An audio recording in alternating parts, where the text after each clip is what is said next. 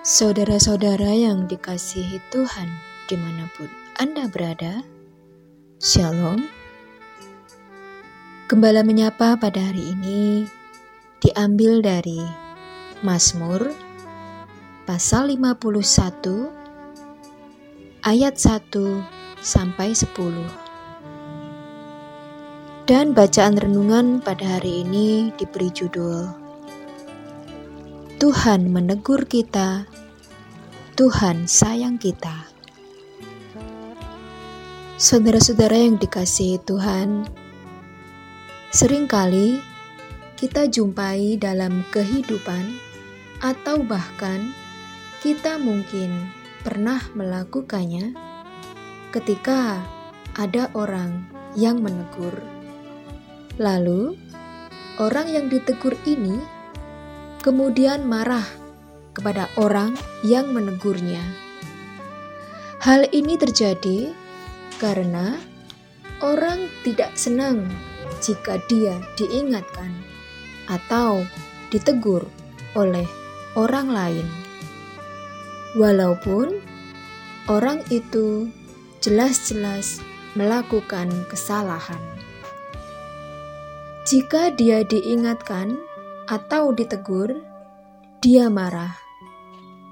Mungkin orang seperti ini adalah orang yang tidak berjiwa besar, sehingga dia tidak mau mengakui kesalahannya, malah merasa tersinggung, marah, dan menyalahkan orang lain saat diingatkan. Yang ironis, tidak sedikit orang Kristen yang ngambek dalam tanda kutip. Kemudian mogok, tidak mau beribadah lagi atau pindah ke gereja lain karena merasa tersinggung telah diingatkan orang lain. Ada teguran yang mendidik yang membuat seseorang sadar akan kesalahannya. Namun, ada pula teguran yang justru mematahkan semangat.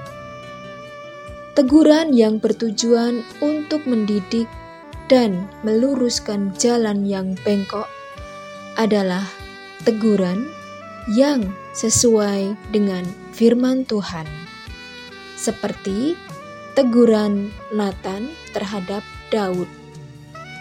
Daud telah melakukan kesalahan di hadapan Tuhan, yaitu merebut Batsheba, istri Uria, dengan cara yang licik.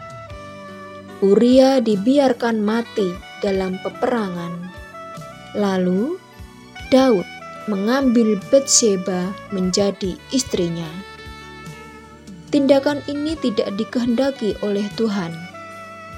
Melihat kesalahan Daud tersebut, Tuhan mengingatkan Daud melalui Nabi Nathan. Mengapa engkau menghina Tuhan dengan melakukan apa yang jahat di matanya? Uria, orang Het itu, kau biarkan ditewaskan dengan pedang. Istrinya kau ambil menjadi istrimu, dan dia sendiri telah kau biarkan dibunuh oleh pedang Bani Amon.